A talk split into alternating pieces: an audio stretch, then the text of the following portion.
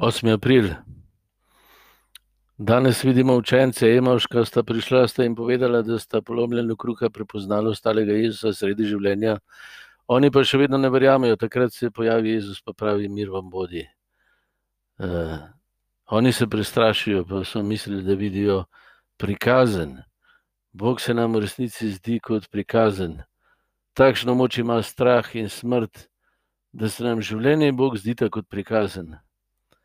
In Jezus, da bi nas streznil, je mogel dati svoje življenje, da bi prepoznali, da Bog in eh, življenje nista prikazani, da je naš strah prikazan, da nas strah oropa. Ne? Da dejansko mi, ko smo pod vplivom strahu, jeze in žalosti in vseh teh stvari, ne znamo razmišljati. Ne?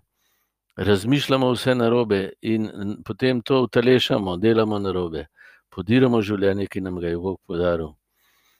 Zato Jezus tako konkreten pokaže stran, potem razloži, da je vsa stara zaveza govori o njem, da je to dolgo načrtovan božji načrt, da tega krepenja Boga po človeku, da bi končno dojeli in razumeli, da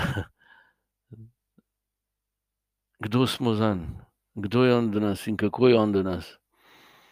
In, uh, če pogledamo samo nekatere primere. Ne, vse, vsa stara zaveza dejansko na, nakazuje Kristusovo trpljenje in smrt. Vse.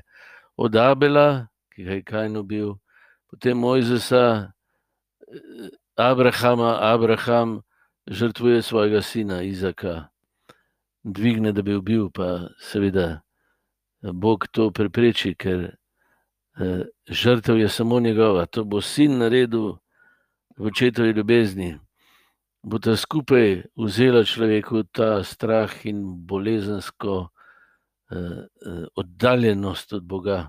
Potem egiptovski Jožef, ki ga brati iz Ljubosume hoče ubiti, potem ga prodajo, to, kar mi delamo drug z drugim danes. Kaj pa delamo z otroki, z ženami, trgovina, trgovina, trgovina, trgovina. Življenje se pa ne da trgovati. No? Pa tu je, eh, Bog kaže, ne, kje vse je danes ostali na zoč. Posod, kjer je trpljenje, nas Bog rešuje, nas čaka.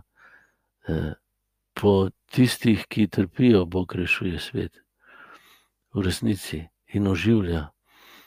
In je navzoč